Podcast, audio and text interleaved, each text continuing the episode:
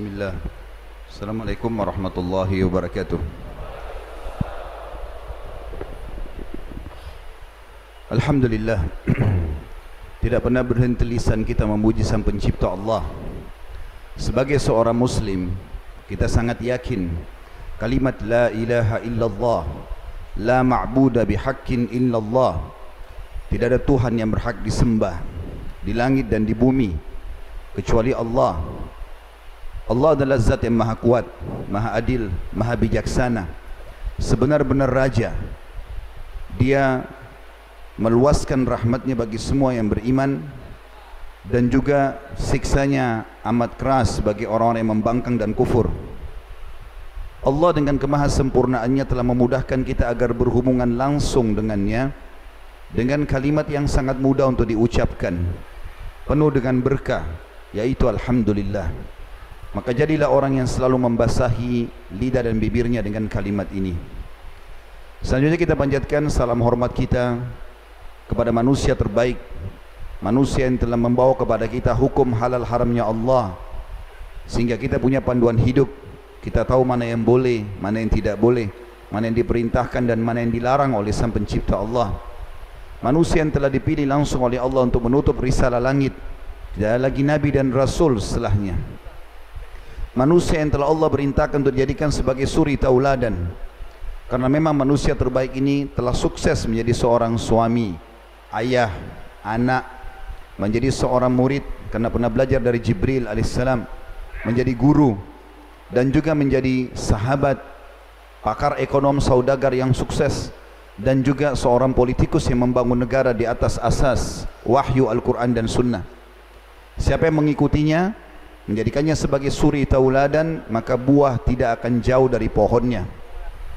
Juga pasti akan mendapatkan kesuksesan. Dan juga mengucapkan salam hormat kepadanya satu kali saja dibalas oleh Allah Subhanahu wa taala dengan sepuluh kali rahmat. Dan rahmat Allah maknanya luas. Masuk dalamnya pengampunan dosa peninggian derajat dan pemenuhan segala kebutuhan. Maka sangat wajar sebagai seorang muslim setelah memuji Allah alhamdulillah kita memanjatkan salawat dan taslim kepada nabi besar Muhammad sallallahu wa ala alihi wa sahbihi wasallam Pertama-tama sebelum kita memulai materi saudaraku seiman, saya akan menjalankan hadis Nabi alaihi salatu wassalam. Man la yashkurun nas la yashkurullah.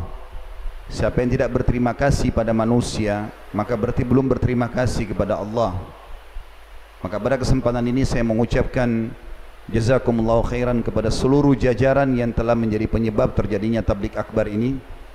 Baik dari jajaran pemerintahan, pengurus masjid, seluruh panitia bahkan seluruh masyarakat muslimin di kota Pekanbaru ini saya hanya bisa mengatakan jazakumullahu khairan tanpa bisa menyebutkan satu persatu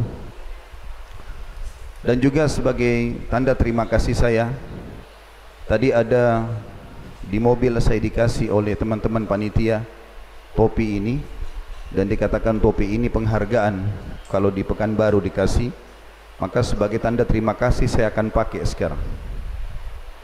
Bismillah.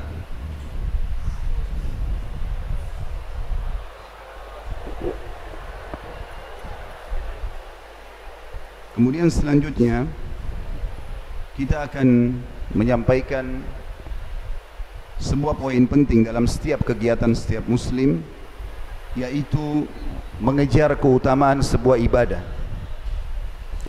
Dan keutamaan yang sedang kita maksudkan adalah keutamaan majlis ilmu. Saudaraku seiman tidak usah lihat siapa yang menyampaikan tapi apa yang disampaikan. Kalau yang disampaikan itu kalau Allah kalau Rasul Allah telah berfirman Rasulullah sallallahu alaihi wasallam telah bersabda maka ambillah. Pasti benar. Karena wahyu langsung dari sang pencipta Allah. Dan kalau seorang muslim ingin termotivasi mengerjakan sebuah ibadah maka kata kuncinya sederhana. Cari tahu janji Allah di ibadah itu. Yaitu kalau bahasa ceramahnya fadilah. Siapa di antara kita ingin supaya rajin solat malam misalnya maka sebelum dia kerjakan solat malam dia tinggal mencari keutamaan solat malam Karena wahyu berbicara dengan hati manusia. Maka dengan izin Allah dia akan termotivasi untuk mengerjakan solat malam. Tarik itu ke semua semua ibadah. Nanti Ramadan sebentar lagi insya Allah akan masuk baca keutamaan Ramadan. Ingin rajin baca Quran, baca keutamaan Al-Quran, haji dan umrah, bakti dengan orang tua. Semua ibadah cari tahu keutamaannya. Karena itu akan mendongkrak dan memotivasi kita untuk mengerjakan. Sebagaimana juga saudaraku seiman kalau kita ingin meninggalkan sebuah dosa, pelanggaran agama, maka kata kuncinya adalah membaca ancaman Allah. Kalau kita baca misalnya tentang oh ternyata orang berzina itu dihukum seperti ini, orang riba dihukum seperti ini dan semua dosa-dosa kita baca, maka secara otomatis dengan izin Allah kita akan meninggalkan dosa itu. Karena kita niatnya sekarang majlis ilmu teman-teman Maka kita perlu sedikit mengingatkan tentang keutamaan majlis ilmu. Butuh poin sederhana Ikhlas karena Allah subhanahu wa ta'ala. Bagi tadi yang hadir di sini karena diajak oleh temannya Ikhlaskan karena Allah bukan karena teman mengajak. Bagi yang datang ke sini hanya sekedar ingin testimoni saja. Mau ngetes Enak gak sih hadir di majlis ilmu Ganti niatnya sekarang sebelum kita memulai karena Allah. Bagian datang hanya seremoni saja Meramaikan majlis Diganti niatnya. Karena Allah subhanahu wa ta'ala. Yang tidak enak sama atasannya Orang tuanya, mertuahnya Lingkungannya Maka semua harus diganti Karena Allah subhanahu wa ta'ala. Kapan niatnya bukan karena Allah Tidak akan ada keutamaannya. Di antara keutamaan Majlis ilmu Hadis Hasan diriwayatkan oleh Al-Bayhaqi Kata Nabi SAW Siapa yang keluar menuntut ilmu ikhlas karena Allah akan dicatatkan baginya pahala haji lengkap. Duduk antara maghrib isya seperti ini mungkin dilanjutkan dengan sedikit habis isya seperti kita sudah menyelesaikan ibadah haji yang biayanya besar waktunya lama butuh energi. Juga dalam hadis yang lain hadis sahih kata Nabi wasallam kalau orang duduk di majlis ilmu maka sebelum mereka bubar para malaikat akan berkata bubarlah dalam kondisi dosa-dosa kalian diampuni dapat pahala haji, dapat pengampunan dosa. Juga dalam hadis Bukhari yang lain kata Nabi SAW tidak ada orang yang berkumpul di rumah-rumah Allah dan mereka mempelajari ayat-ayat Allah kecuali akan turun malaikat yang membawa rahmat dari langit dan Allah akan turunkan ketenangan jiwa pada mereka. Makanya subhanallah majlis ilmu itu kalau betul-betul yang benar kita semuanya ikhlas pemateri dan juga yang sedang hadir kita akan merasakan ketenangan jiwa walaupun materi itu panjang disampaikan. Karena Allah sedang turunkan makhluk-makhluk mulianya malaikat hadir. Itu juga dengan hadis yang kata Nabi SAW dalam hadis sahih siapapun yang keluar menuntut ilmu maka dia di jalan Allah seperti mujahid dan sekian banyak keutamaan ilmu itu. Saudaraku seiman kita akan membahas pada kesempatan ini kaya dengan sedekah. Kita akan membuka materi kita ini dengan perbedaan dasar antara pemahaman kaum muslimin dengan orang-orang kapitalis. Kapitalis punya prinsip dasar dan kita sayangkan hampir seluruh wilayah umat Islam banyak yang berpegang secara ekonomi dalam prinsip ini. Kaya menabung itu pangkal kaya. Itu prinsip mereka. Jadi bagaimana caranya supaya kaya? Mulai belikan celengan anak-anak dari kecil supaya mereka belajar nabung. Bukain rekening supaya mereka nabung. Selalu kalau dapat uang nabung dulu. Fikirannya mengerucut kepada menabung. Sementara Islam datang mengajarkan untuk supaya kaya bukan menabung tapi bersedekah. Kira-kira saudaraku seiman ketemu enggak antara menabung dengan sedekah menabung berarti menyimpan sedekah berarti apa mengeluarkan. Ketemu nggak kira-kira? Jadi mulai sekarang teman-teman kalau memberikan uang kepada anak-anak bukan disuruh masukkan ke celengan. Celengan dia pribadi, tapi bawa ke masjid. Suruh kau masukkan di celengan masjid. Suruh traktir temannya di sekolah. Kalau ada temanmu yang lapar nak belikan. Kalau ada temanmu yang pakaiannya robek, belikan selalu kita ajarkan sedekah karena konsep kita seperti itu keluarkan kau akan dapat makin banyak kita keluarkan maka makin banyak juga rezeki Allah datang. Ini sebabnya kenapa kita pilih judul ini.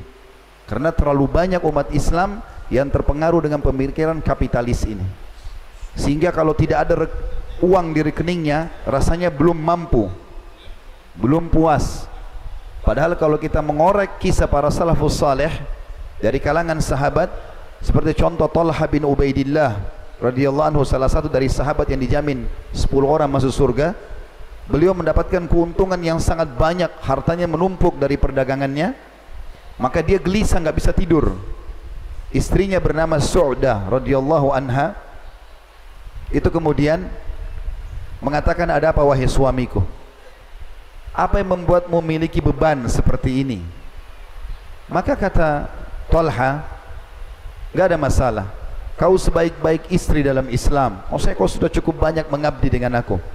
Kata dia kalau begitu coba sampaikan. Mungkin saya bisa bantu. Kata Talha radhiyallahu anhu hartaku sudah terlalu banyak. Keuntungan melimpah. Aku jadi beban nih apa jawaban istrinya dan ini jawaban istri yang salihah yang menjadikan akhirat sebagai targetnya. Setiap muslimah wajib mengambil pelajaran dari statement ini. Dia mengatakan, untuk apa jadi beban fikiran hai suamiku? Sedekahkan. Bukan seperti sebagian wanita. Sebentar, sebentar. Jangan sedekah dulu. Saya mau beli tas, mau beli gelang, mau beli baju, mau beli begini. Sisanya, sisa 2000 sedekah.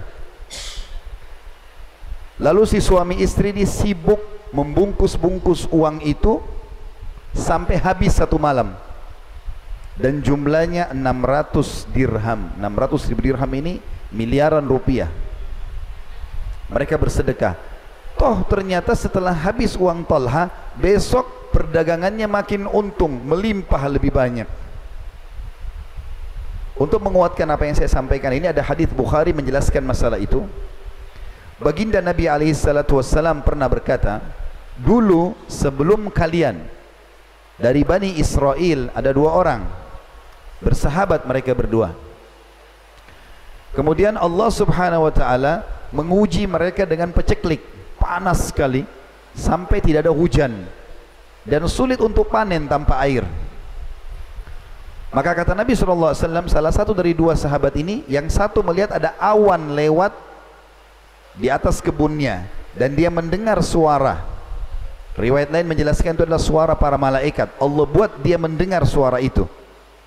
Maka dia mendengar mengatakan suara itu turunkanlah hujan di kebunnya si fulan. Fulan ini di sebelah temannya dia. Lalu dia penasaran diikuti awan itu. Dia jalan ternyata betul awan itu mampir di kebun temannya di sebelah dan uniknya turun hujan hanya di kebun temannya saja. Dia sendiri enggak kena Hujan hanya di situ. Semua yang lain satu kota ini enggak ada yang dapat. Lalu apa yang terjadi? Kata Nabi SAW, dia tanya temannya. Kau apakan kebunmu ini? Dia bilang, ini jawaban dia. Rahasianya, kenapa dia bisa mendapatkan hujan di saat peceklik? Bagi yang berusaha, saya dengar di sini dekat dengan pasar para saudaraku pedagang kaum muslimin. Mau kaya, grafik bisnis anda naik terus, sedekah. Tidak ada yang lain. Itu investasi termahal. Maka kata Nabi kata Nabi wasallam yang punya kebun berkata hasil dari perdaganganku bukan modalnya hasilnya aku bagi menjadi tiga. Sepertiganya aku sedekahkan dulu. Sepertiganya aku berikan kebutuhan keluargaku. Dan sepertiganya lagi aku kembalikan ketambahan modal Gara-gara itu grafiknya naik terus. Saya punya pengalaman dengan ipar saya. Kebetulan adik beliau nikah sama kakak saya perempuan, tinggal di Ternate. Saya pernah ada acara pengajian di sana di Maluku. Habis selesai ceramah malam hari, sekitar jam 10 malam, saya duduk ngobrol berdua. Tiba-tiba ada suara kena pakai atap seng ada suara seperti batu yang sangat keras jatuh. Ribut seng itu. Maka saya kaget. Dia tertawa senyum. Lalu dia mengatakan itu mangga saya yang sudah matang jatuh. Ustaz mau? Ayo kita makan berdua. Orang sana mengatakan itu manda, mangga madu. Saya tidak tahu di sini bilang apa, tapi di Jakarta juga bilang mangga mana lagi. Biasanya kalau dipotong ada seperti ada titik-titik madunya manis sekali. Saya makan memang manis sekali mangga itu, masya Allah. Mungkin saya bisa katakan belum pernah saya makan mangga semanis itu. Maka selesai habis makan, udah kami istirahat. Habis sholat subuh, waktu syuruk saya pulang ke rumahnya. Kemudian tiba-tiba saya bilang, bisa enggak saya lihat pohonnya? Diizinkan saya ke belakang, lewat dapur ke belakang. Subhanallah, saya lihat pohon itu saya enggak bisa lupa. Sekarang ini seperti kebayang pohon itu. Tingginya mungkin hanya 3 meter pohon itu, tidak lebih. Pendek, 4 meter lah ya, kurang lebih. Buahnya itu banyak sekali. Dan saking banyaknya itu sampai memberatkan pohon itu. Sampai mau kena ke paving blok di belakang rumahnya itu. Penuh, banyak Masya Allah. Kalau melihat poster tubuh mangga pohon mangga ini kayaknya enggak mungkin buahnya sebanyak itu menurut saya. Nah, saya pun senang dengan tanaman. Maka yang terjadi adalah saya tanya, Masya Allah, saya bilang buahnya banyak sekali. Apa yang bibit apa yang antum pakai ini? Maka dia bilang sama saya, biasa saja, saya biarkan begitu. Apa yang saya bisa kasih kasih? Cuma memang saya tidak pernah tahan orang mengambil mangga ini. Ternyata pohon mangga itu teman-teman, setengahnya tangkainya masuk ke dalam rumah dia, setengahnya menjulang keluar tembok. Jadi yang menjulang di luar tembok, siapa pun lewat boleh ambil. Anak kecil ambil, orang lewat ambil, mungkin ada orang ambil untuk jual, terserah dia. Dia sedekahkan. Subhanallah, gara-gara itu, sepanjang tahun mangganya enggak pernah berhenti berbuah. Kita tahu mangga itu kan setahun sekali berbuah ya. Makanya orang, mudah-mudahan di sini tidak ada, tapi kalau ada, yang biasa manggahnya baru berbuah tiga sudah dibungkus dengan kresek plastik karena bakhil harus mengubah pola itu bagaimana bisa berbuah banyak sementara dia sudah sangat perhitungan dengan masalah itu? Baik teman-teman sekalian itu mukaddimahnya pembukaan kenapa saya membahas masalah kaya dengan bersedekah.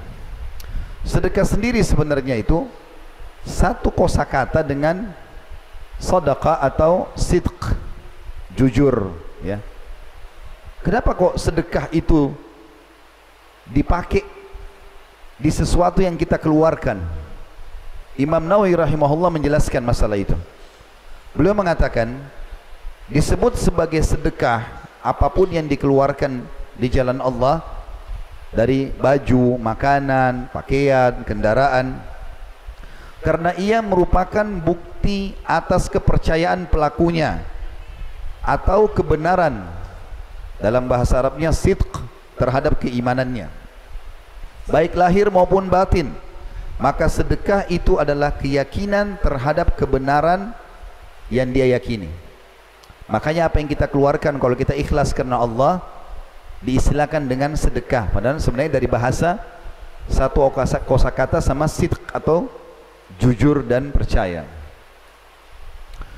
Di antara statement kaum salafus salih yang perlu kita renungi sebelum lebih dalam kita masuk kepada keutamaan sedekah.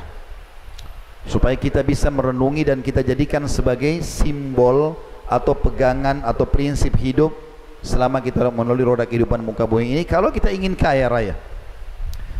Umar bin Khattab berkata, sesungguhnya amal itu saling berbangga satu sama yang lain.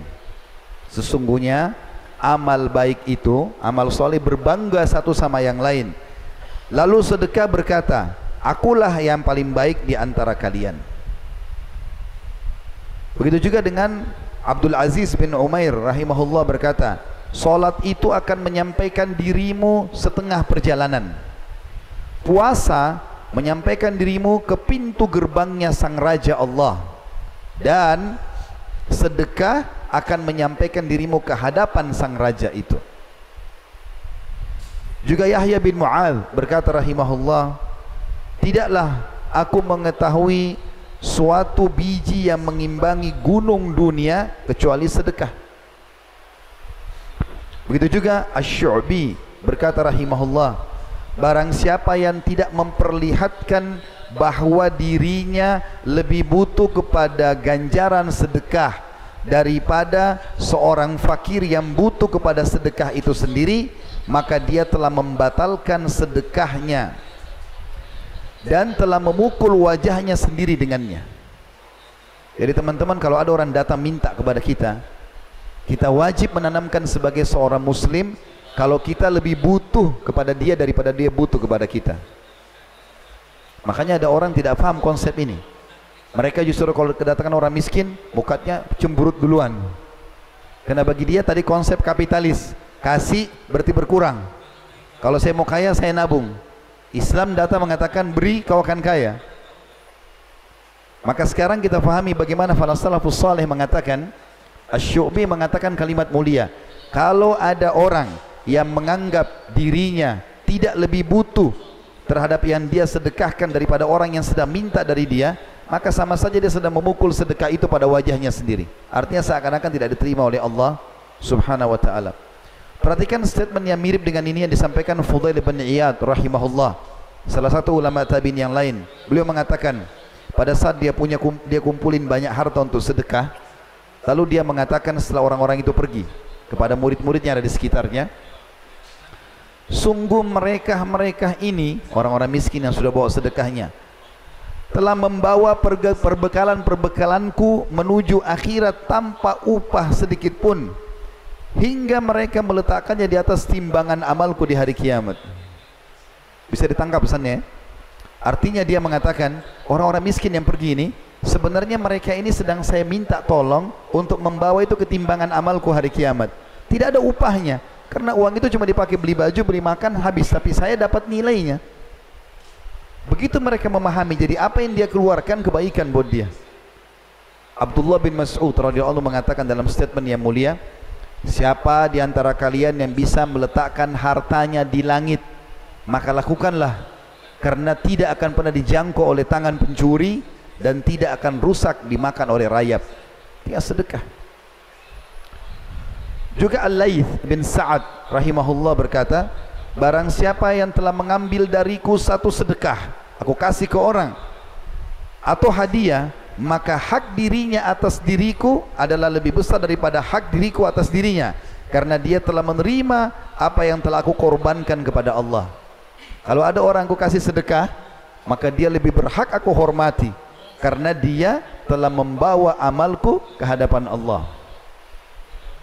Ali bin Abi Thalib berkata radhiyallahu anhu barang siapa yang telah diberikan harta oleh Allah maka hendaklah ia menyambung kekerabatan dengannya. Justru dia bersedekah bantu kerabat-kerabatnya memperindah jamuan untuk tamunya sebagai bentuk titipan dari Allah menolong orang yang membutuhkan membebaskan tawanan ibnu sabil orang-orang fakir miskin para mujahidin dan dia bersabar atas musibah yang menimpa hartanya. Dan akan ada cobaan akan ada orang menipu, orang utang tidak bayar, semua orang lalui itu. Saya mau tanya teman-teman, kita semua di sini yang hadir. Apakah antum pada saat utangkan orang, semua orang bayar? Hah? Ada enggak orang hadir di sini tidak pernah ditipu? Coba angkat tangan. Tidak pernah ditipu? Hah? Pernah. Yang saya tanya orang yang tidak pernah ditipu. Saya mau kasih mikrofon supaya cerita bagaimana pengalamannya selama hidup dari kecil sampai sekarang enggak pernah ditipu orang. Semua orang lalu itu. Ada cobaan dalam harta. Lalu dikatakan karena dengan perkara-perkara itu kata Ali dia akan memperoleh kemuliaan dunia dan juga akhirat. Dan sebagai penutup di poin ini ya, poin masalah pernyataan kaum salafus saleh berhubungan tentang masalah pemahaman sedekah adalah pangkal kaya. Maka Abu Hatim berkata rahimahullah, bakhil itu pelit ya, tidak mau bersedekah itu adalah sebuah pohon di neraka. Sebuah pohon di neraka. Sedang ranting-rantingnya ada di dunia. Maka barang siapa yang bergelantungan pada salah satu dari ranting-ranting itu niscaya ia akan menjerumuskannya ke dalam neraka. Bakhil, pelit ini subhanallah perusak kehidupan. Rumah tangga tidak akan langgeng. Persahabatan tidak akan langgeng.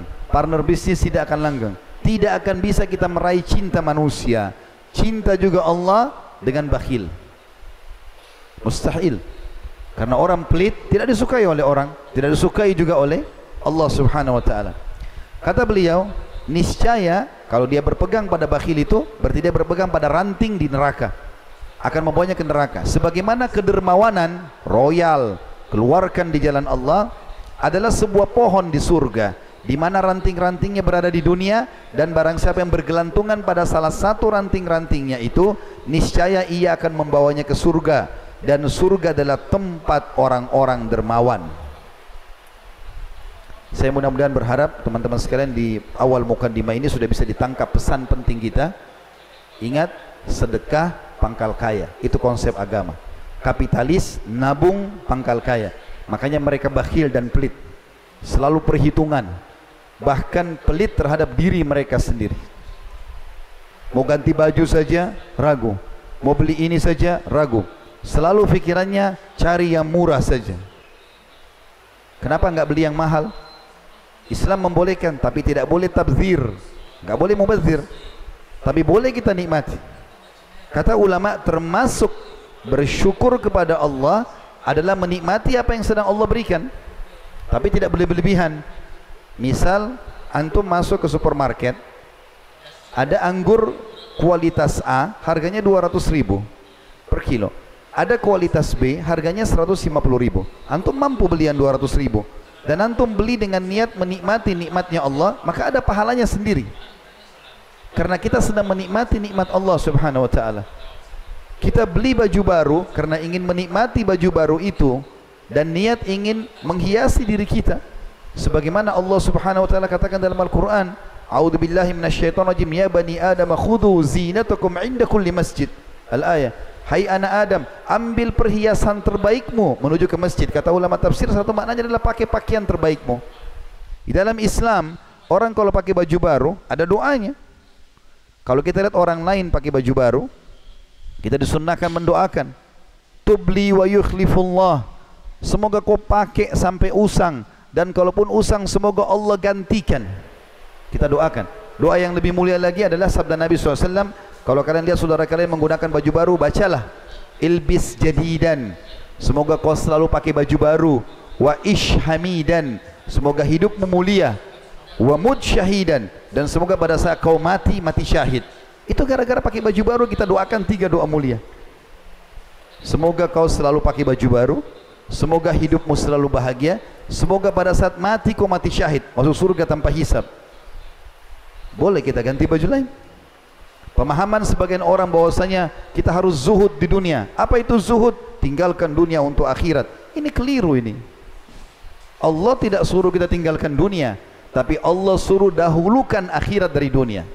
Allah berfirman dalam surah Al-Qasas, surah nomor 28 ayat 77. A'udzu billahi minasyaitonir rajim. Wabtaghi fima ataqallahu daral akhirah wa la tansa nasibaka minad dunya. Al-ayah. Kejar apa yang Allah janjikan di akhirat nanti. Surga bidadari bidadara istana dipan-dipan permadani yang dijanjikan. Baca semuanya. Kejar itu. Dan jangan lupakan bagianmu dari dunia. Nabi SAW gemar makan daging kambing. Nabi SAW menggunakan baju-baju yang bagus. Nabi SAW memiliki beberapa rumah karena beliau berpoligami. Dan setiap rumah ada unta kalau unta itu kendaraan termewah setiap rumah ada pembantunya. Nabi SAW memiliki pedang beberapa pedang perisai. Beliau juga memberikan nama-nama yang baik di situ. Maka kita boleh menikmati tapi tidak boleh tabzir.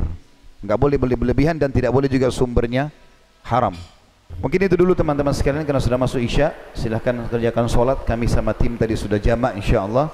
Kita akan lanjutkan setelah solat isya nanti. Dan kita akan masuk ke inti bahasan kita insyaAllah sembilan manfaat bersedekah yang insyaAllah kita harapkan tidak lagi keraguan setelah itu untuk mengejar kekayaan dengan sedekah itu Subhanakallahumma bihamdika asyhadu an la ilaha illa anta astaghfiruka wa atubu ilaik. Wassalamualaikum warahmatullahi wabarakatuh. Assalamualaikum warahmatullahi wabarakatuh. Alhamdulillah wassalatu wassalamu ala Rasulillah. Segala puji dan puja kehadirat Allah Subhanahu wa taala juga salawat dan taslim kepada Nabi besar Muhammad sallallahu alaihi wasallam. Melanjutkan bahasan kita dan kita akan masuk ke inti bahasan sebenarnya yaitu manfaat atau apa yang kita dapatkan dari sedekah itu sendiri. Yang paling pertama teman-teman sekalian sebelum kita masuk ke sembilan poin manfaat daripada bersedekah dan salah satunya adalah judul kita kaya dengan bersedekah itu sendiri dan kita sebutkan dalilnya insyaallah Kita perlu dulu menjelaskan hal yang mendasar sekali. Ada perbedaan antara zakat dengan sedekah. Kalau zakat, fungsi utamanya adalah pensucian harta. Kalau sedekah, untuk memperbanyak harta. Jadi beda fungsi. Zakat memiliki syarat-syarat. Syarat utamanya adalah haul, masa setahun. Dan teman-teman menentukan sendiri haul itu. Misalnya, sekarang menjelang Ramadan ni, teman-teman niatkan di masjid ini, haul saya Ramadan tahun lalu. Berarti Ramadan sekarang seperti kita tutup buku. Semua tabungan atau simpanan dan investasi dinilai kalau mencapai syarat kedua nisab kadar minimal 85 gram emas maka dikeluarkan 2,5 persennya. Berarti ada syarat haul satu tahun ada syarat nisab. Nisab itu batas minimal 85 gram emas dan juga ada persentasenya 2,5 persen. Kalau zakat kalau sedekah enggak ada. Mau sedekah tiap hari boleh. Tidak ada juga kadar minimalnya tidak ada persentase minimal gitu kan atau jumlah yang ditentukan karena dia lebih luas kenapa saya jelaskan ini teman-teman sekalian? Karena ada di antara umat Islam kita di Indonesia mereka Masya Allah punya harta banyak. Idul Fitri menjelang Idul Fitri atau Ramadan sibuk mengeluarkan zakat. Hitung zakatnya keluarlah. Misalnya karena kaya raya punya zakat misalnya satu miliar. Tapi yang dia lakukan adalah dia tidak menghabiskan zakat itu di masa haulnya. Kalau haulnya Ramadan, yang paling afdal habiskan di Ramadan. Tapi banyak orang tidak karena zakatnya besar, disimpan di rumah, dicicil dalam setahun, sehingga dia tidak sedekah lagi. Yang dia keluarkan hanya zakat. Padahal beda fungsi. Ya. Makanya kita jalankan dua-duanya. Zakat iya, sedekah iya. Baik kita akan masuk teman-teman sekalian manfaat dari zakat, uh, sedekah itu sendiri. Yang paling pertama adalah dia berfungsi melipat gandakan harta dan sekaligus mensucikan jiwa juga. Walaupun zakat lebih fokus kepada pensucian harta. Mungkin dalam setahun pada saat kita jual baju, kita jual makanan, kita kan tidak tahu konsumen ini bawa uang halal atau uang haram. Maka zakat membersihkan itu. Tapi secara umum sedekah juga selain melipat gandakan harta kalau zakat tadi pensucian saja maka sedekah bisa melipat gandakan harta dan juga menjadi pensucian sekaligus. Allah subhanahu wa ta'ala berfirman tentang masalah itu artinya sedekah bisa membersihkan dosa. Dalam surah At-Taubah ayat 103 atau 103 bunyinya a'udzubillahi minasyaitonirrajim khud min amwalihim sadaqatan tutahhiruhum wa tuzakkihim biha wa salli alaihim inna salataka sakanun lahum wallahu sami'un alim. Ambillah sedekah dari sebagian harta mereka yang dengan sedekah itu kamu membersihkan dan mensucikan mereka. Dan berdoalah untuk mereka hai Muhammad. Sesungguhnya doamu itu menjadi ketentraman jiwa bagi mereka. Dan Allah maha mendengar lagi maha mengetahui. Jadi dari ini menjelaskan kepada kita bahwasanya bisa mensucikan diri. Kata sebagian ulama, pensucian diri maksudnya adalah disucikan oleh Allah dari segala dosa, dari segala sifat-sifat buruk dan penyakit-penyakit hati, di antaranya pelit. Subhanallah orang yang suka sedekah ini, Bapak Ibu sekalian, awet muda. Kok bisa awet muda Ustaz? Karena orang yang biasa sedekah kan biasa memberi. Orang yang biasa memberi Maka sudah tidak ada lagi ketergantungan dengan hartanya. Walaupun dia kehilangan harta Maka dia anggap biasa sama dia. Karena dia sudah biasa mengeluarkan. Beda dengan orang yang bakhil. Maka hilang satu barang saja Itu akan dikenang bertahun-tahun. Hilang handphone 10 tahun pun masih diingat. Hilang pulpen setahun itu terus dibahas. Orang kalau suka sedekah Hilang handphonenya Pembersihan dosa. Beli baru selesai. Awet muda dia yang kedua teman-teman sekalian sedekah ini adalah bukti ketundukan kepada Allah dan Rasulnya bentuk keimanan dan terlalu banyak ayat yang menjelaskan tentang masalah sedekah ini. Kita akan menyebutkan misal contoh ayat-ayat yang berhubungan dengan masalah jihad. Hampir semuanya ayat-ayat yang sekian banyak itu Allah mulai dengan bi amwalikum wa anfusikum. Jihadlah kalian dengan harta kalian lalu jiwa kalian. Allah enggak mulai dengan jiwa tapi mulai dengan harta dan itu dipraktikkan oleh baginda Nabi alaihi salatu wasallam. Nabi Muhammad SAW kalau mau kumandankan jihad boleh mengatakan jihad sedekahlah. Sedekah duluan. Kumpulin di masjid. Ada yang bawa sedekah harta, ada yang membawa sedekah kurma, ada yang membawa ini dan itu segala macam. Setelah terkumpul harta, baru Nabi SAW bentuk pasukan untuk berperang. Dan Allah Subhanahu wa taala sering kali menghubungkan teman-teman sekalian ayat yang menyinggung masalah solat dengan sedekah. Yang menandakan kedudukan sedekah ini tinggi sekali. Karena solat kita tahu adalah tiang agama. Seperti Allah sebutkan dalam surah Ibrahim ayat 31. A'udzu billahi minasyaitonir rajim. Qul li ibadiyalladina amanu yuqimus salata wa yunfiqu mimma razaqnahum sirran wa alaniyatan min qabli an ya'tiya yawmun la bay'un fihi wala khilal. Katakan hai Muhammad kepada seluruh hamba-hambaku yang telah beriman. Apa pesan Tuhan buat kita? Allah SWT mengatakan, hendaklah mereka selalu mendirikan solat. Azan, absen diri. Satu hari lima kali. Saya hadir ya Allah. Kemudian mereka menafkahkan sebagian rezeki yang kami berikan kepada mereka. Baik secara sembunyi-sembunyi ataupun terang-terangan sebelum datang hari kiamat di mana pada hari itu tidak ada lagi jual beli dan tidak ada persahabatan. Teman-teman ambil pesan dari saya ini. Demi Allah teman-teman kalau antum atau anda tidak bersedekah maka pada saat meninggal anda akan menyesal. Ande dulu saya sedekahkan semua harta saya. Bukan berarti tidak boleh menabung. Menabung dalam Islam boleh-boleh saja. Tetapi para salafus salih mempraktikkan mereka sedekah. Dengan sedekah makin banyak keuntungannya. Abdurrahman ibn Auf radhiyallahu anhu terkenal orang kaya raya. Sahabat Nabi yang masyhur, selalu simbolnya salah satunya adalah kekayaannya. Dia pernah berfikir tentang hartanya yang banyak ini mau diapakan harta ini.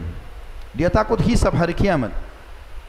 Bagaimana caranya habiskan harta? Dibagi-bagiin sama semua orang. Masih banyak. Sudah dibagi-bagi, masih banyak. Bagaimana solusinya nih? Lalu dia cari tahu siapa di Madinah, karena rata-rata pedagang kurma semuanya, yang kebun kurmanya gagal panen tahun itu. Sengaja dia cari yang gagal panen. Mana yang gagal panen nih? Rupanya ada satu orang, satu kebun, ratusan pohon kurma gagal panen. Sekian ton banyak kurma. Enggak ada yang beli. Karena orang-orang Madinah, mereka semuanya banyak kurma. Jadi kalau kurma kering sedikit dianggap kualitasnya enggak bagus. Abdurrahman bawa hartanya, ditanya sama dia, kau mau jual kurmamu? Mau. Berapa? Sekian. Enggak pakai nawar, dibeli semua sama dia. Niatnya supaya hartanya udah sedekah buat kamu deh.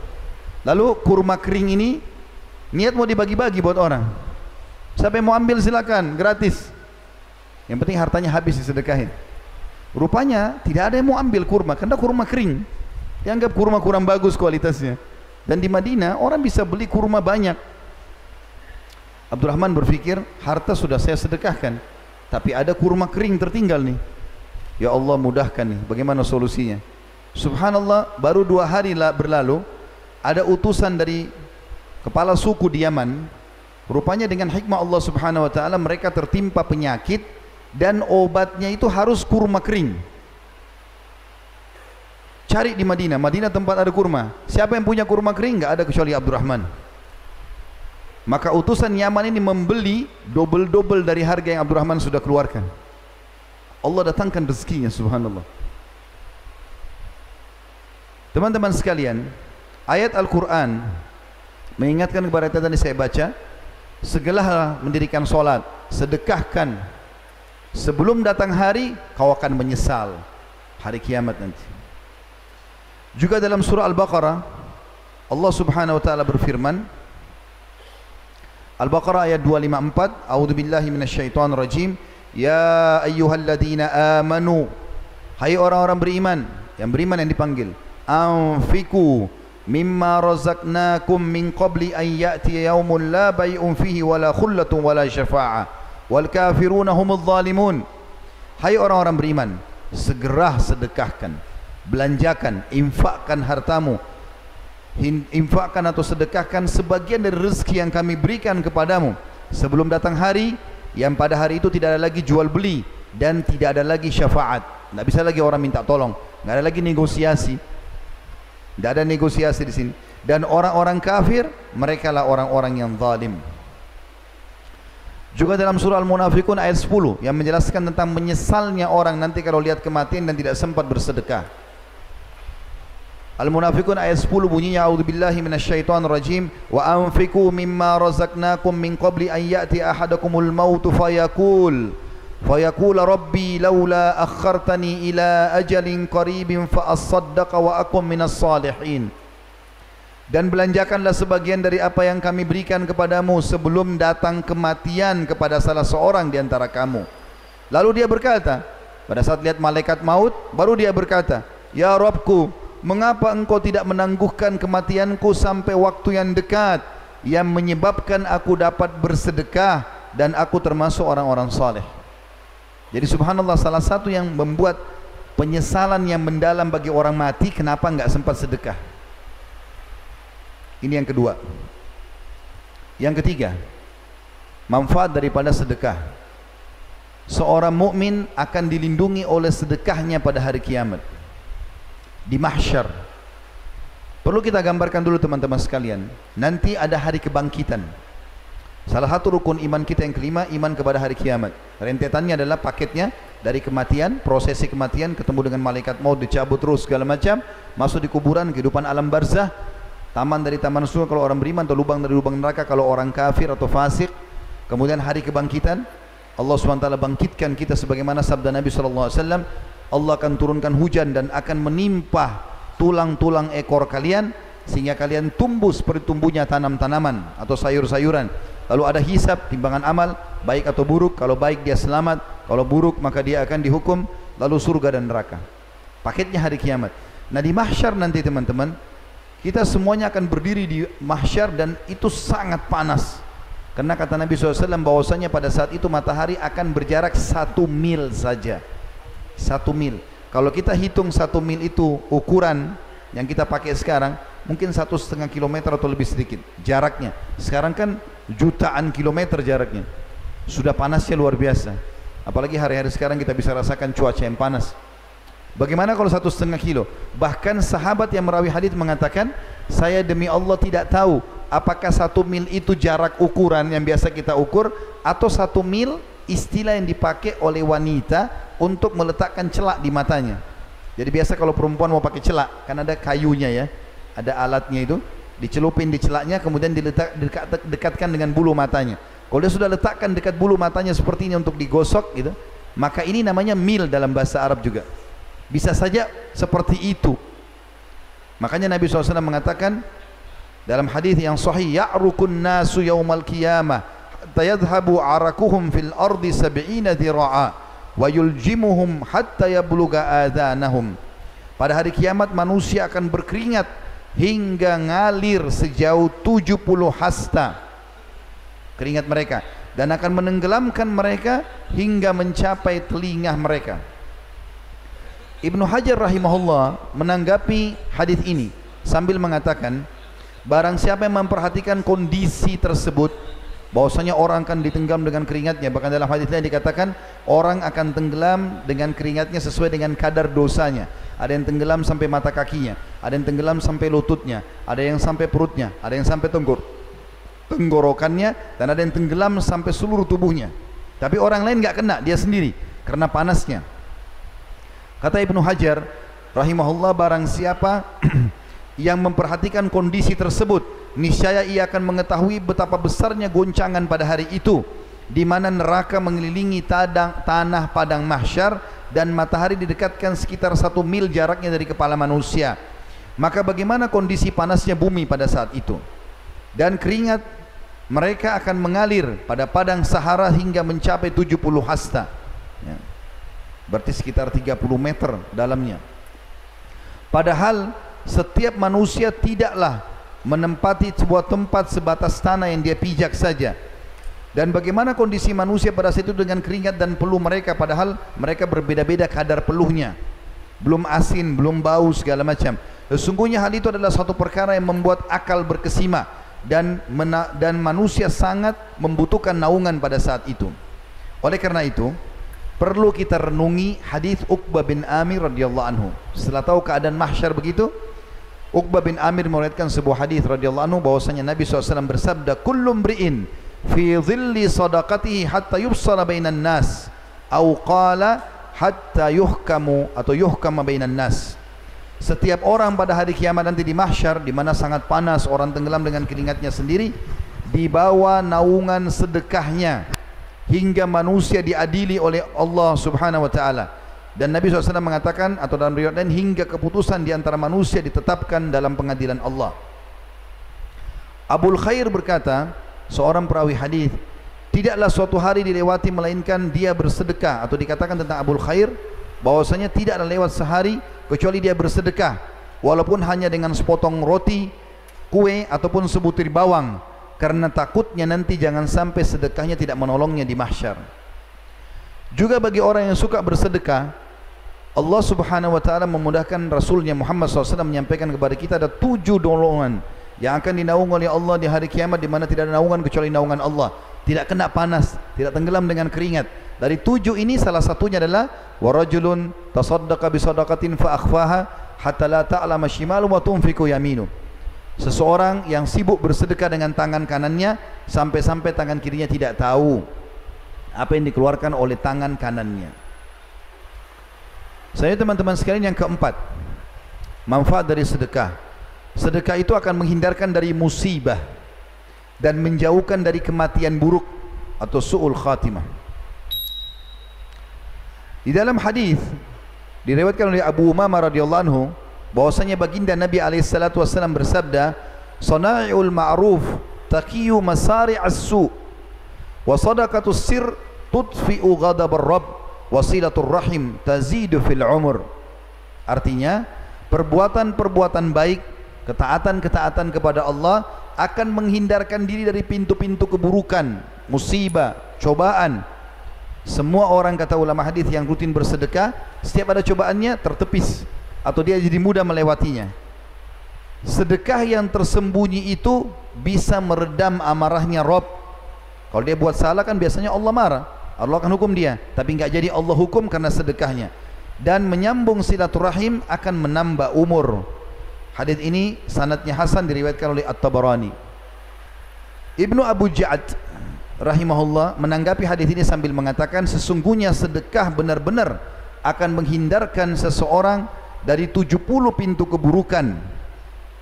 Bahkan ada hadis Nabi sallallahu alaihi wasallam yang diriwayatkan oleh Anas bin Malik radhiyallahu anhu yang berbunyi inna sadaqata la tudfi'u ghadabar rabb wa tadfa'u an mitati su. Ketahuilah sesungguhnya sedekah itu kata Nabi SAW dapat memedam, memadamkan amarah Rabb kalau ada orang buat dosa, Allah akan hukum. Tapi kerana dia sedekah, Allah hilangkan murkahnya itu. Dan menghindarkan dia dari kematian buruk. Ibnu Arabi Al-Maliki berkata, yang dimaksud dengan hakikat kematian buruk adalah kematian dalam kondisi melakukan kemaksiatan. Dan Al-Mubarak Furi berkata, Al-Iraqi berkata, secara zahir, maksud kematian buruk adalah kematian yang mana Rasulullah sallallahu alaihi wasallam berlindung kepada Allah darinya berupa hancur, kehancuran, jatuh, tenggelam, kebakaran, tergoda syaitan saat menghadapi maut dan terbunuh saat lari dari medan perang. Semua itu bisa seseorang selamat karena sedekahnya. Juga dalam hadis Bukhari Nabi SAW mengatakan sesungguhnya dosa-dosa akan terlintas dalam hidup kalian dan itu akan dimaafkan dengan solat, puasa dan sedekah. Jadi dia membersihkan kesalahan-kesalahan tersebut. Kata ulama orang yang rutin bersedekah Allah akan selamatkan. Yang penting sedekahnya dari sumber yang halal. Perlu teman-teman garis bawah juga poin penting. Kita kuatkan di poin keempat ini. sedekah yang paling afdal adalah sedekah yang sumbernya benar halal dikeluarkan di jalan yang benar. Antum kerja dagang halal. Modalnya halal produknya halal sistemnya halal. Dikeluarkan sumbang untuk masjid rumah anak yatim bakti orang tua jamu tamu. Itu yang paling afdal. Dan ini yang bisa menyelamatkan dari masalah. Yang kedua yang ketiga dan keempat ini masalah. Bahkan bisa jadi hukuman bagi dia. Yang kedua ini yang bisa masalah adalah sumbernya halal jelas dia halal dagangnya modalnya segala macam gajinya sebagai pegawai halal tapi dikeluarkan ke yang haram. Dipakai berzina dipakai menipu dipakai ber, ini dan itu. Ini bisa berbahaya bagi dia. Tidak ada manfaatnya tidak dapat manfaat tadi yang ketiga juga sama buruk. Sumbernya halal sumbernya haram tapi dikeluarkan pada yang halal. Misal hasil korupsi pencurian manipulasi mencuri ya. Kemudian dikeluarkan untuk haji dan umrah. Enggak diterima. Karena kata Nabi SAW Inna Allah tayyibun la yakbalu illa tayyiba. Allah suci dan bersih tidak terima kecuali suci dan bersih. Yang terakhir yang keempat yang paling buruk sumbernya haram keluar yang haram. Hasil pencurian dipakai berzina. Ini yang paling berat. Oleh karena itu kita harus fokus. Harta kita harus sumbernya halal kemudian dikeluarkan pada yang halal Nabi SAW mengatakan ni'ma malus salih biadi abdis salih.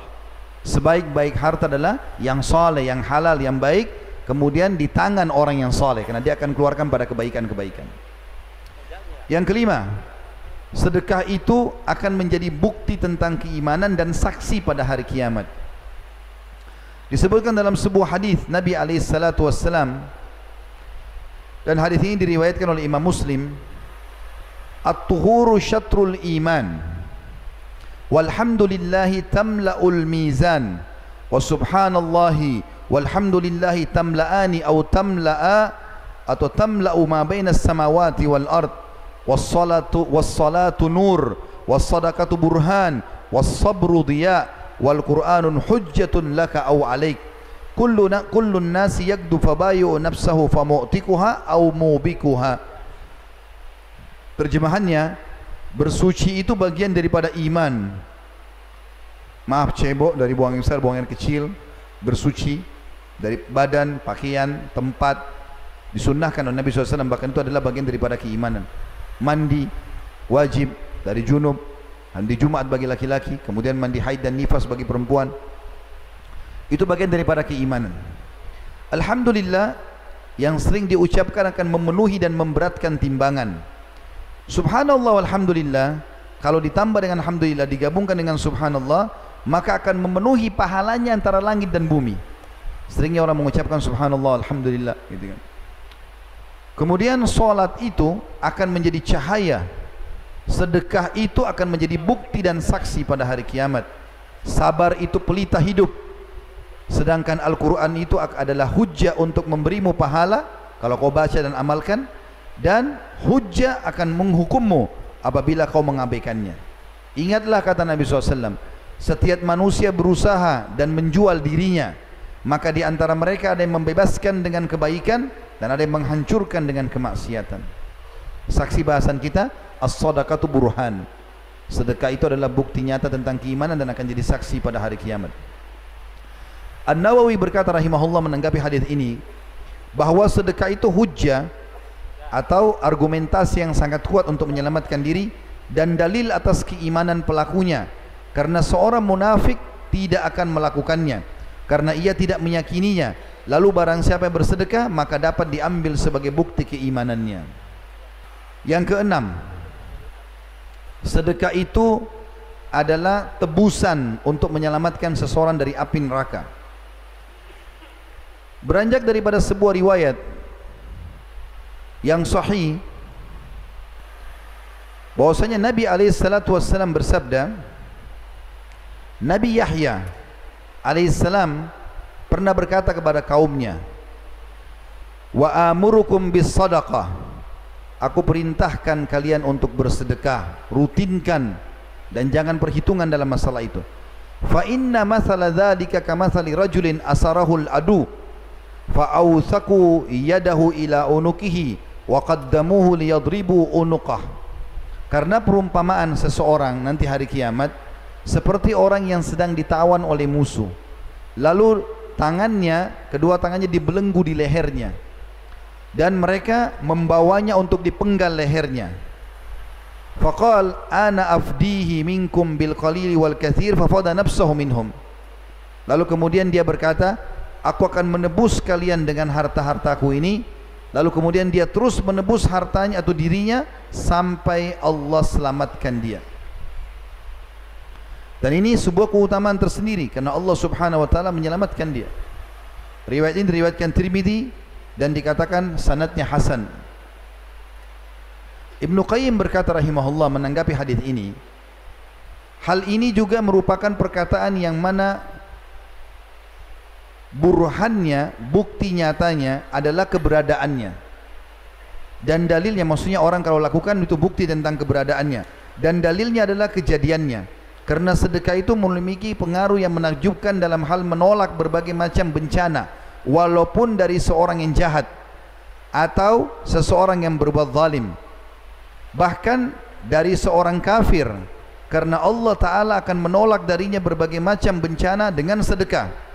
Hal ini adalah suatu perkara yang telah dimaklumi di antara manusia, baik yang terpelajar maupun yang tidak terpelajar. Ini perkataan Ibnu Qayyim rahimahullah diambil dari sebuah buku namanya Al-Wabil As-Sayyib di jilid 1 halaman 49. Selanjutnya teman-teman sekalian yang ketujuh ya. Allah Subhanahu wa taala akan mengganti sedekah itu.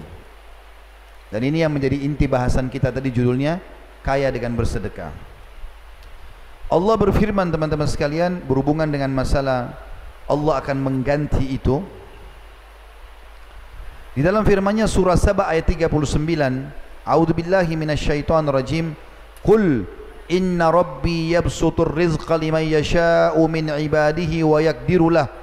Wa ma anfaqtum min syai'in fahuwa yukhlifu wa huwa khairur raziqin.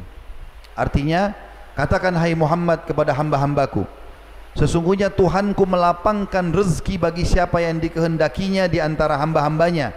Dan dia menyempitkan rezeki bagi siapa yang dikehendakinya. Dan barang siapa atau barang apa saja yang kamu nafkahkan sedekahkan di jalan Allah maka pasti Allah akan menggantinya. Dan dialah sebaik-baik pemberi rezeki. Semua yang kita keluarkan yang penting ke sumber halal walaupun untuk kebutuhan kita pribadi beli mobil, beli rumah, haji dan umrah, semuanya sebanyak apapun Allah akan ganti. Selama memang itu adalah hal yang benar. Sekaligus saya ingatkan di sini teman-teman. Banyak orang di Indonesia sengaja cari travel haji umrah yang murah. Padahal dia orang kaya. Kenapa? Murah. Walaupun jauh dari Masjidil Haram.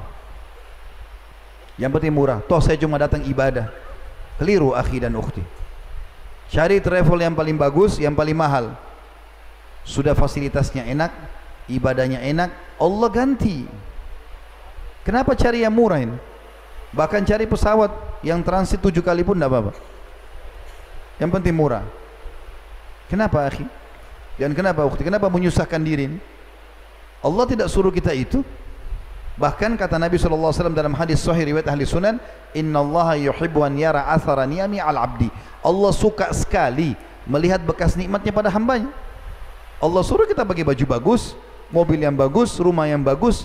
Bahkan kata Nabi SAW, puncak nikmat pada seorang hamba mukmin adalah di jasadnya yang di rumahnya yang luas, tetangganya yang baik dan tunggangannya atau kendaraannya yang yang layak.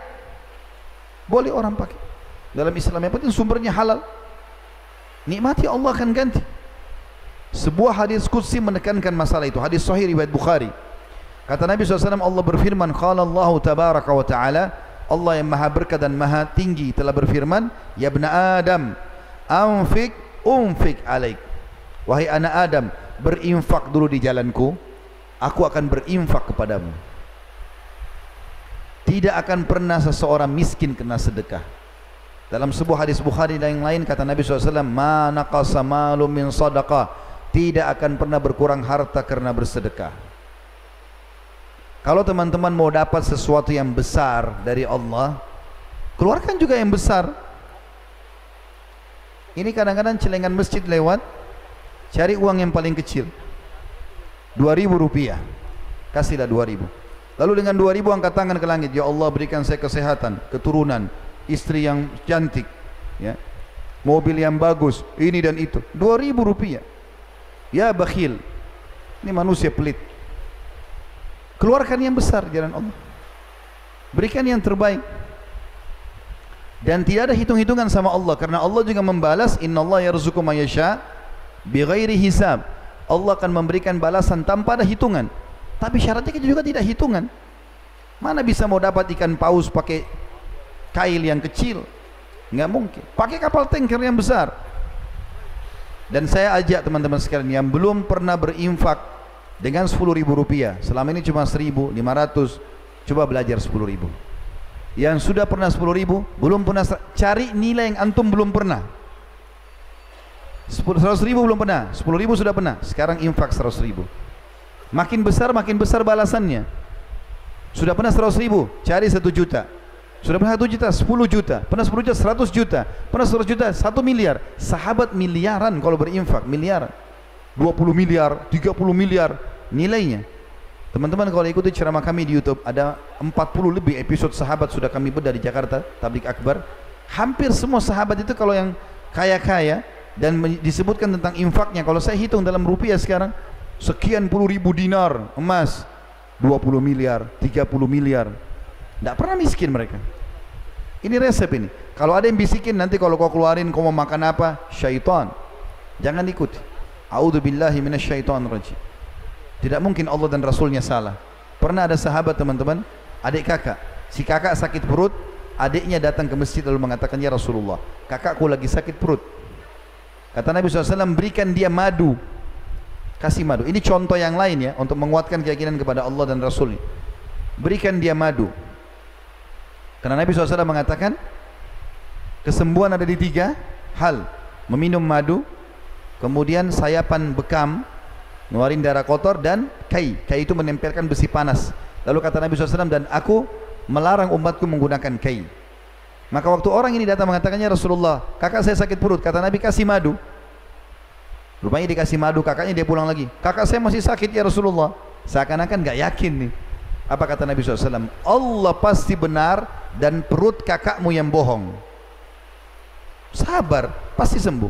Tidak mungkin tidak. Enggak ada keraguan bagi seorang mukmin. Tahu teman-teman apa yang membuat Abu Bakar radhiyallahu anhu punya kedudukan tinggi di sisi Allah? Sampai dari semua sahabat yang dapat julukan Siddiq yang akan menemani nabi-nabi di surga. Minan nabiyina was siddiqin. Nabi-nabi dan orang siddiq. Abu Bakar satu orang yang dapat julukan siddiq. Kenapa? Semua yang Allah dan Rasulnya ucapkan pasti benar. Mau masuk akal enggak masuk akal pasti benar. Waktu kejadian Isra Mi'raj, ya, Orang-orang Quraisy bilang Abu Jahal bilang sama Abu Bakar ini teman Muhammad sudah gila. Masa ngaku Isra jalan di malam hari ke Palestin waktu itu kalau orang mau jalan waktu itu belum ada pesawat segala macam orang harus menunggangi kuda terkuat anak muda yang yang punya kekuatan full satu bulan jalan non stop baru sampai ke Palestin. Ini satu malam jalan ke sana pulang pergi lagi. Kemudian naik ke langit ketemu Tuhannya kembali lagi. Bagaimana bisa ini? Abu Jahal ingin goyahkan imannya Abu Bakar. Apa kata Abu Bakar? Hai Quraisy, ketahuilah kalau depan mata saya ada tembok warnanya putih, lalu Muhammad bilang bukan Abu Bakar, itu hitam. Saya akan bohongkan mata saya dan saya akan bilang iya hitam. Jadi kalau Nabi bilang hitam, padahal putih depan mata, enggak hitam. Berarti mata saya yang salah. Saking percayanya sama Nabi Muhammad SAW. Begitu seorang Muslim. Bagaimana antum masih ragu dengan penyampaian wahyu seperti ini? Dan dalam hadis Bukhari yang lain mulia sekali hadis ini. Kita akan mendapatkan doa malaikat untuk melipat gandakan harta kita hanya dengan sedekah setiap hari itu. Kata Nabi SAW, Ma min yawmin yusbihul ibadu fihi illa wa malakani yanzilan. Tidak ada satu hari pun di pagi hari setiap hamba yang masih hidup ada kecuali ada malaikat dan Allah turunkan dua dari langit pada hari itu. Fayakula fayakul ahaduhuma Maka salah satu malaikat itu berkata, Allahumma a'ti mumfikan khalafa. Ya Allah berikanlah kekayaan dan ganti orang-orang yang berinfak. Wa yaqulul akhar, Allahumma a'ti mumsikan talafa. Dan yang satu lagi mengatakan, Ya Allah binasakan, hancurkan orang-orang yang kikir. Imam Nawawi berkata rahimahullah menanggapi hadis ini, para ulama berkata, infak tersebut adalah dalam ketaatan, akhlak-akhlak yang terpuji untuk keluarga dan tamu, sedekah-sedekah dan sebagainya. Dan tidak pada hal-hal yang tercela atau mubazir berlebih-lebihan.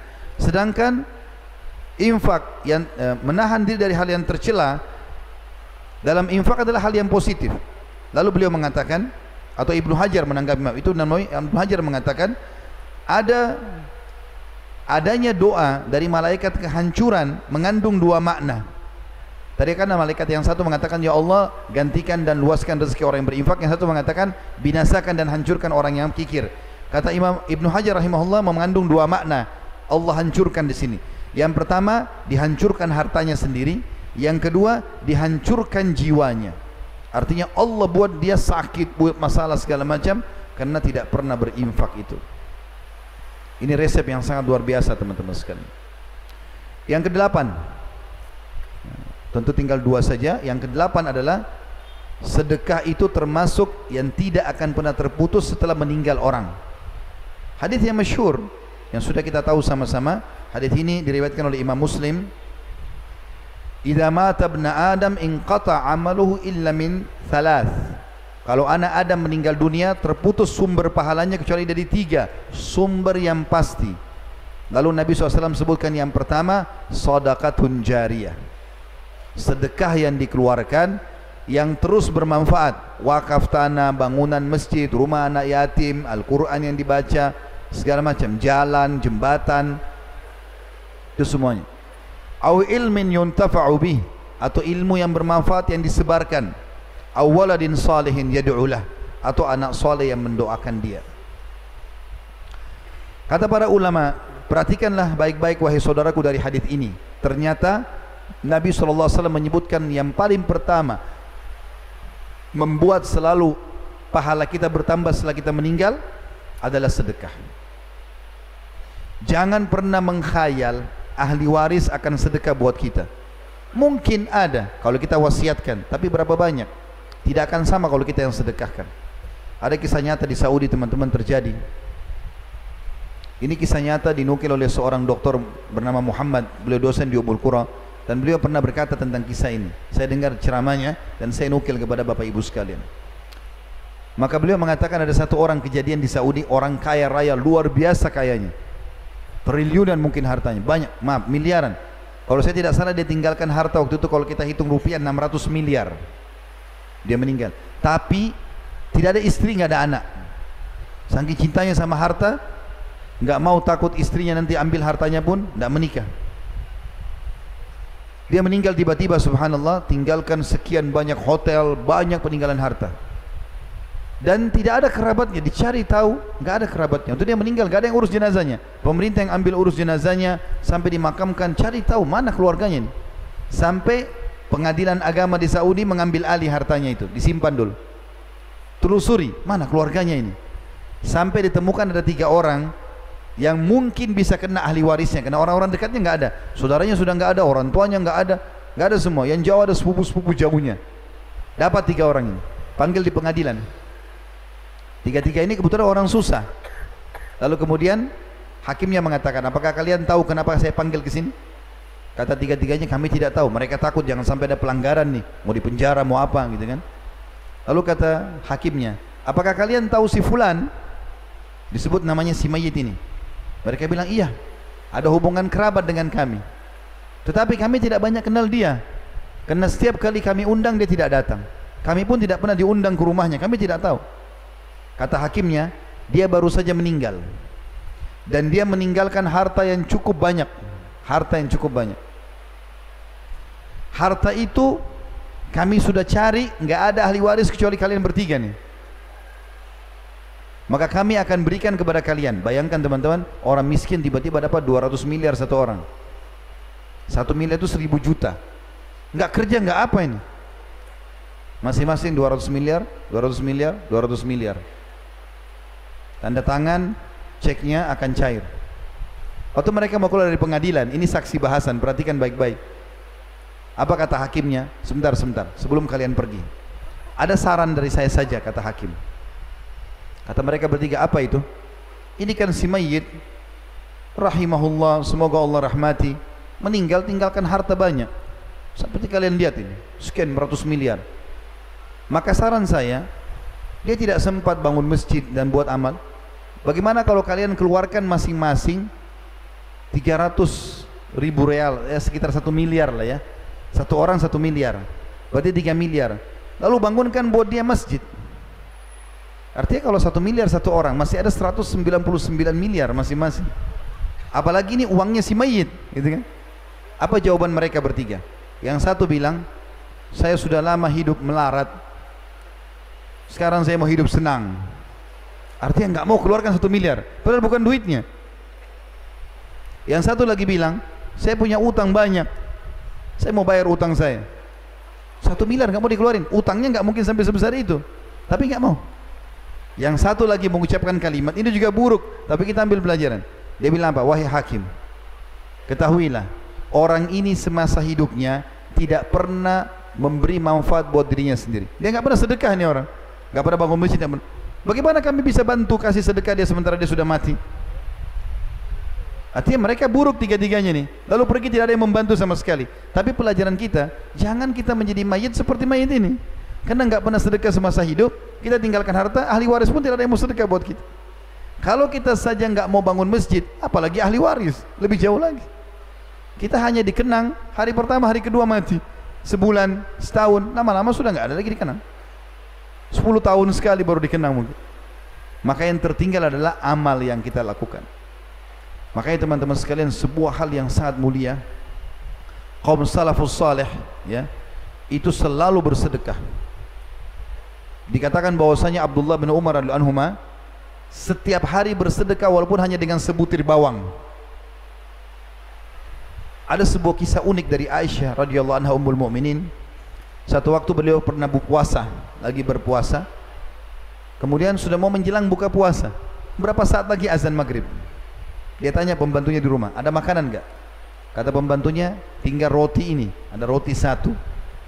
Dan biasanya kalau orang lagi tidak punya makanan apa-apa, kalau ada ada harta biasanya pakai roti sama madu.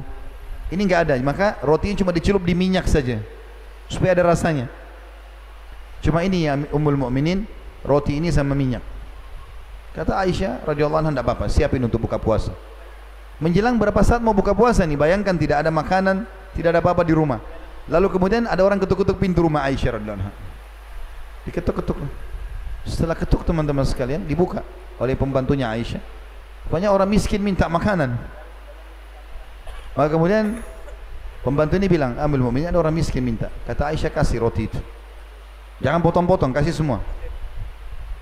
Tapi kita tidak ada untuk buka puasa, kasih saja. Tidak usah khawatir. Dengan zat yang tidak akan pernah mati selamanya. Allah SWT. Kasih aja. Dikasih sama pembantu tersebut. Subhanallah, orang miskin itu dikasih. Baru berapa langkah dia jalan, belum hilang bayangannya masih ada.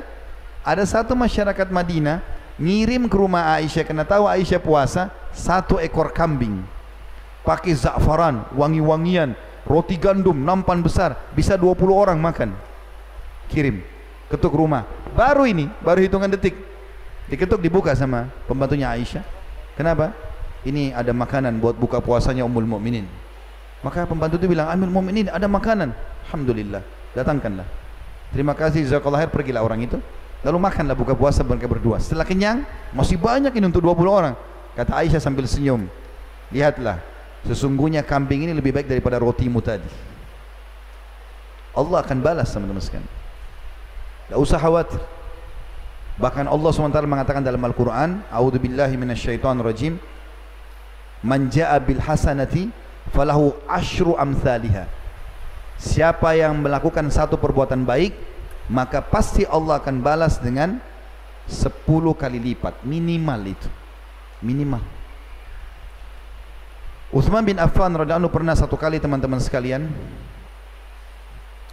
dia lihat orang-orang Yahudi sama orang-orang munafik di Madinah ingin mengganggu umat Islam apa yang mereka lakukan mereka beli semua barang-barang di pasar kemudian semua umat Islam tidak punya barang lagi lalu setelah itu mereka mahalkan harga Maka umat Islam kerepotan ini untuk belanja.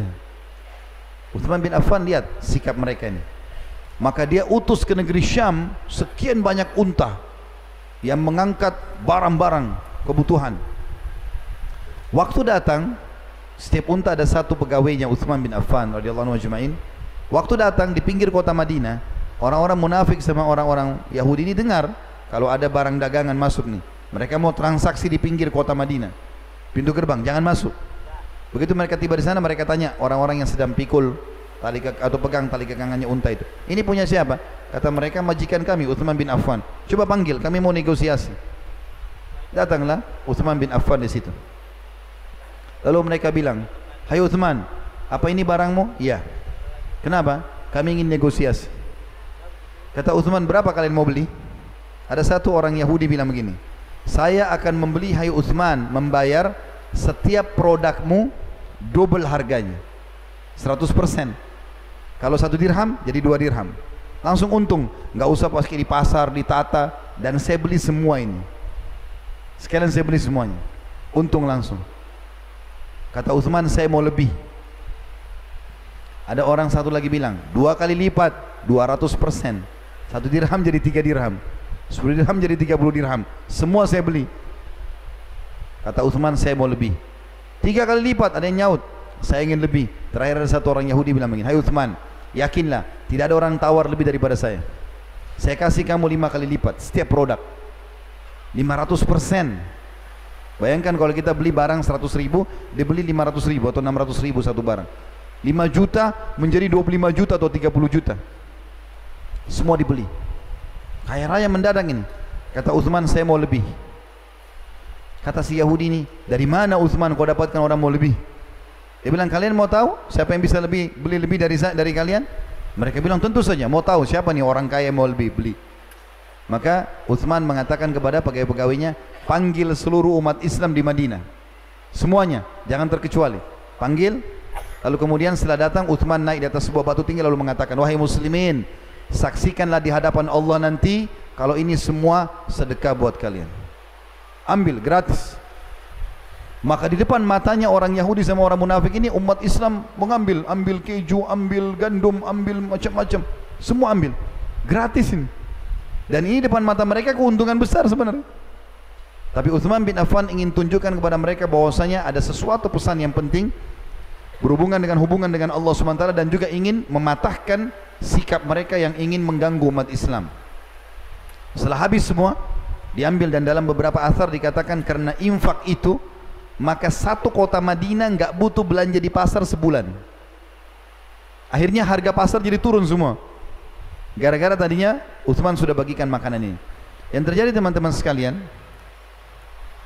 pada saat Uthman bin Affan sudah bagi-bagi itu, beliau balik ke arah orang-orang Yahudi dan munafik sambil mengatakan, apakah kalian tahu siapa yang membeli lebih dari kalian? Kata orang-orang Yahudi dan munafik itu, barang apa lagi yang kau mau jual? Sudah habis semuanya. Dia bilang karena Allah membeli dari saya 10 kali lipat. Enggak ada yang bisa beli 10 kali lipat. Dan dia ingin menunjukkan tentang hadis tersebut. Yang terakhir teman-teman sekalian adalah keutamaan yang kesembilan sedekah itu bisa menghapuskan dosa-dosa.